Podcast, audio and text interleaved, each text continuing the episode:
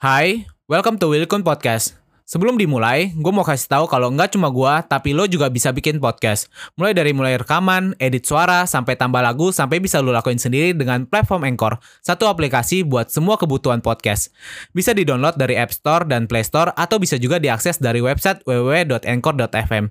Nggak cuma buat, tapi lo juga bisa langsung share dan publish hasil rekaman lo ke Apple Podcast, Spotify, Stitcher, dan lain-lain dari Anchor ini. Yang paling penting, Anchor ini gratis. What's up guys, welcome back to my channel, Willy Kun Channel. Dan kembali lagi di podcast cerita seram. Dan hari ini gue mau lanjutin cerita mengenai Lasmi Sang Kuntilanak Merah. Oke sebelum gue mulai menceritakan part 2 dari si Lasmi Gue mau kasih kalian sedikit informasi mengenai klarifikasi dari cerita ini nih. Dari cerita ini banyak timbul pertanyaan gimana si Valen dan adiknya Ara bisa bercerita atau ngobrol sama kuntilanak merah ini nih. Nah beberapa waktu kemarin dia baru upload video sama Raditya Dika dia jelasin kalau memang kuntilanak merah ini masih ada silsilah keluarga dengan si Ara sama si Valen nih. Nah kemudian juga banyak timbul pertanyaan apa perbedaan kuntilanak merah sama kuntilanak putih. Nah di video itu si Valen sama adanya Ara sempat menjawab pertanyaan itu.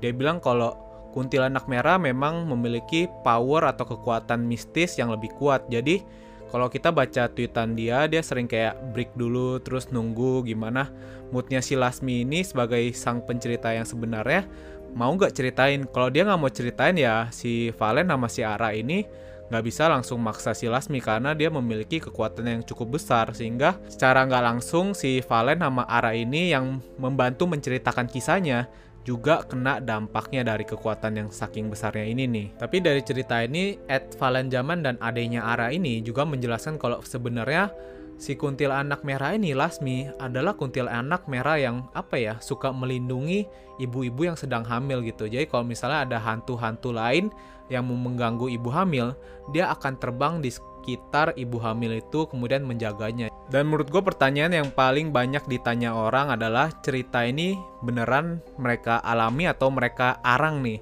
Nah di situ di videonya yang dibuat oleh si Valen, dia mengklarifikasi kalau 100% cerita ini asli dan gak dikarang sama sekali. Makanya dia harus minta izinnya si Lasmi nih, si kuntilanak merah ini untuk menceritakannya kapan dia mau atau boleh nggak ceritain. Nah itu dia guys informasi sebelum gue mulai menceritakan kisah si Lasmi Kuntilanak Merah. Oh iya sebelum mulai lagi jangan lupa untuk selalu support channel ini dengan cara klik tombol subscribe-nya aja di depan layar kanan kalian di pojok kanannya nih. Tinggal klik tombol subscribe-nya, kemudian klik tombol loncengnya karena subscribe itu gratis dan membantu channel gue untuk berkembang. Dan kalau kalian denger podcast cerita seram di Spotify, tinggal klik tombol following-nya aja ya guys. So, langsung aja kita lanjut ke part 2 dari cerita kuntil anak merah Lasmi. Gusti, badan gua sama adik gua sekarang sakit banget. Mau izin ke Lasmi, lanjutin ceritanya. Kalian bisa bayangin, sebadan badan tuh sakit dan napas sesek. Nyelarasin energi kali ini lebih gede, ditambah ada jurik lain kayak pocong, kunput, sama genderuwo yang pengen ikutan curhat. Maaf terlambat ya guys, karena gue harus bener-bener make sure gue sama adik gue siap. Sudah siap mendengarkan Lasmi kembali bercerita? Oke, kita lanjut aja. Saat mobil pengangkut itu menerjang Lasmi, tubuhnya terseret dan wajahnya menghantam tanah berbatu sampai sejauh kurang lebih 8 meter. Peristiwa tragis itu begitu cepat, tapi Lasmi masih ingat dengan betul rasanya dijemput kematian yang tidak dikehendaki. Tak ada satu mata pun yang menyaksikan si supir kaget menyadari telah menabrak seorang wanita namun temannya si supir malah berkata, Huh, sia, kumaha eh, maut sia. Yang artinya, aduh, gimana nih, kayaknya meninggal deh. Si supir bergegas turun, memeriksa kondisi Lasmi yang sedang kejang mengeluarkan darah dari mulutnya yang robek sampai ke telinga. Rahangnya mencuat. Si supir menelan ludah, dia sontak melirik-lirik sekitar, takut ada yang melihat. Kemudian Teman si supir ikut turun memeriksa. Kuma eh, tolongin we atuh, menu karunya. Lasmi melihat mereka dengan pandangan mengabur. Si supir menarik temannya masuk ke dalam mobil. Temannya sempat tidak setuju, tapi si supir mengatakan, Eh, sia si goblok, mun ayat naon-naon teh gomaha, boga barudak ti imah, buru naik goblok, yang artinya, eh si goblok, Gimana kalau terjadi sesuatu? Kita kan punya anak keluarga di rumah. Cepetan naik goblok. Lasmi mendengar dengan samar, darah terus mengalir, rasa sakit maha dahsyat mulai meremas perutnya. Lasmi hanya bisa menyaksikan mobil yang menabraknya pergi. Dia memandang ke langit, berbagai kenangan berkelebat di ingatannya. Senyum teduh Asep, kedua orang tuanya di kampung, masa kecilnya, dengan angan-angan membesarkan sang buah hati. Air mata Lasmi berlinang bercampur darah. What guys, adik gua lagi nangis dengerin Lasmi nangis. Dada gua juga sesek banget. Lasmi bilang, Kenapa kematianku seperti ini Ara? Apakah aku pernah berbuat jahat? Kenapa? Sayang, gua nggak bisa dengerin suara tangisan Lasmi. Gue cuma bisa bayangin betapa pedih tangisan itu. Darah menggenang kental di tanah, Rasa sakit di wajahnya dan perutnya keji meremas tanpa ampun. Lasmi tahu dia akan mati, tapi dia tidak mau kehilangan bayinya. U Utun, Utun. Lasmi berusaha mengusap perutnya dengan tangannya yang patah sekuat tenaga yang sudah raib. Lasmi perlahan merasakan tubuhnya dingin, dia kehilangan hidupnya dan bayinya. Pandangannya yang buram melihat banyak raut tak kasat mata menyaksikannya sedang dijemput ajal. Mungkin dia masih tertolong seandainya ada yang melihat. Seandainya saja. Itu kalimat di benak Lasmi. Eh, Lasmi tiba-tiba bilang ke adik gue, tolong jangan bayangin kematianku. Ya gimana dah, kan udah ke-tweet. Aimane jurik kumaha, katanya minta didengerin ceritanya. Tunggu ya guys, Gua sama adik gua bener-bener capek. Dada gua juga sesek tapi kaki dingin. Ada empat jurik di luar pada nontonin kami cerita. Ditambah ada orang yang nyoba jahil. Tolonglah, kami cuma nyampein cerita Lasmi. Gak bermaksud mau sombong atau apa pun. Lasmi masih sensitif. What's up guys? Sebelum kita lanjut, kenalan dulu yuk sama temen gue, namanya Anchor. Anchor ini adalah all-in-one podcast editing platform yang membuat gue lebih mudah untuk rekaman, edit suara, tambah lagu, dan segala hal dalam pembuatan podcast yang sedang lo dengerin kali ini. Anchor juga bisa jadi temen lo juga loh. Cara tinggal download dari App Store atau Play Store, atau juga bisa diakses di www.anchor.fm. Jadi download Anchor sekarang ya. Oke lanjut. Gelap dan kosong Matanya tertutup sempurna dengan air mata yang menetes, membayangkan sejenak sosok-sosoknya sebagai ibu. Namun, takdir tidak memberinya kesempatan untuk Lasmi mengalaminya. Lasmi lagi sekarang termenung di samping adik gua. Tiba-tiba saja, Lasmi merasakan rohnya keluar dari tubuhnya, rasanya sakit tidak bisa dideskripsikan.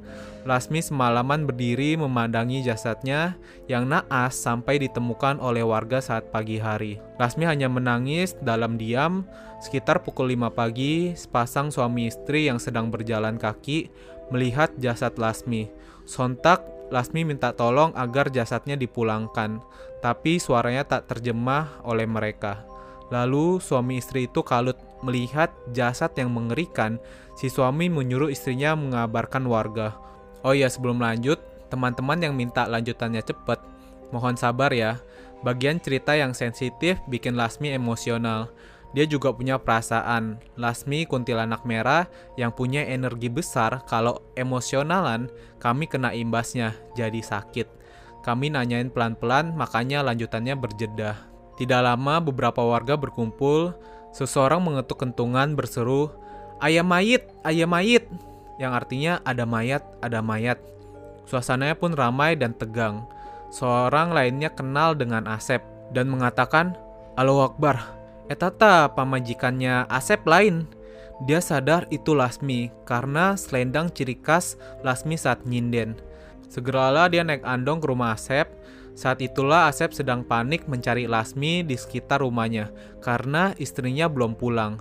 Lasmi pulang duluan tidak lewat jalan yang biasanya Asep dan tim sindennya lewat. Asep belum tahu Lasmi sudah tiada tapi ketakutannya melanda hebat pikirannya. Satu jam kemudian temannya itu sampai ke rumah Asep.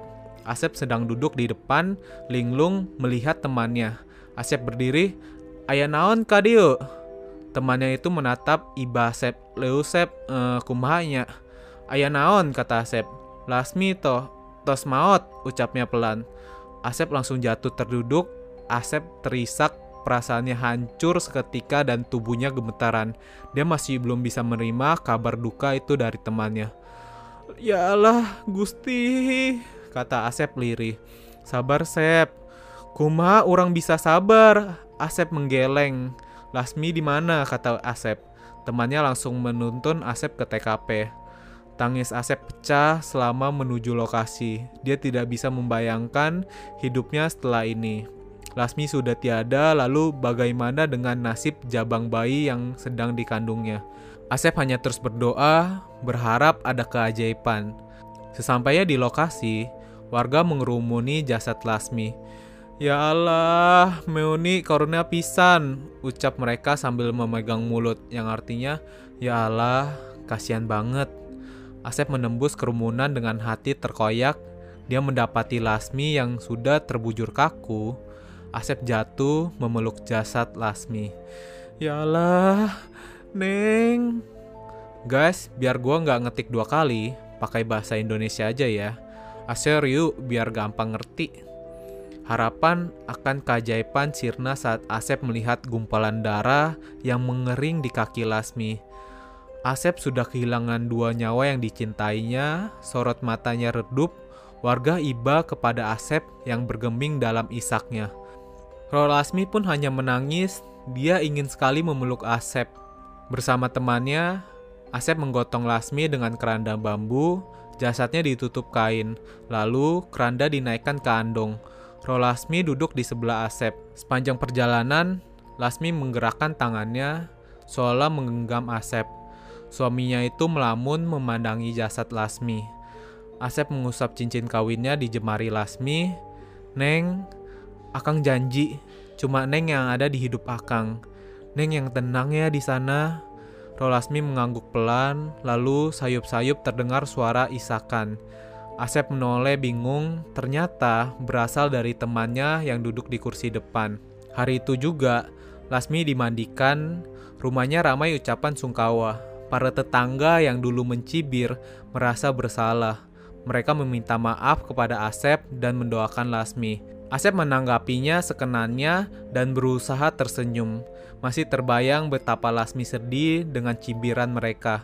Namun, ada tetangga yang bergunjing, Eh, Eta, si Lasmi meninggalnya pas lagi hamil. Ih, gimana nanti?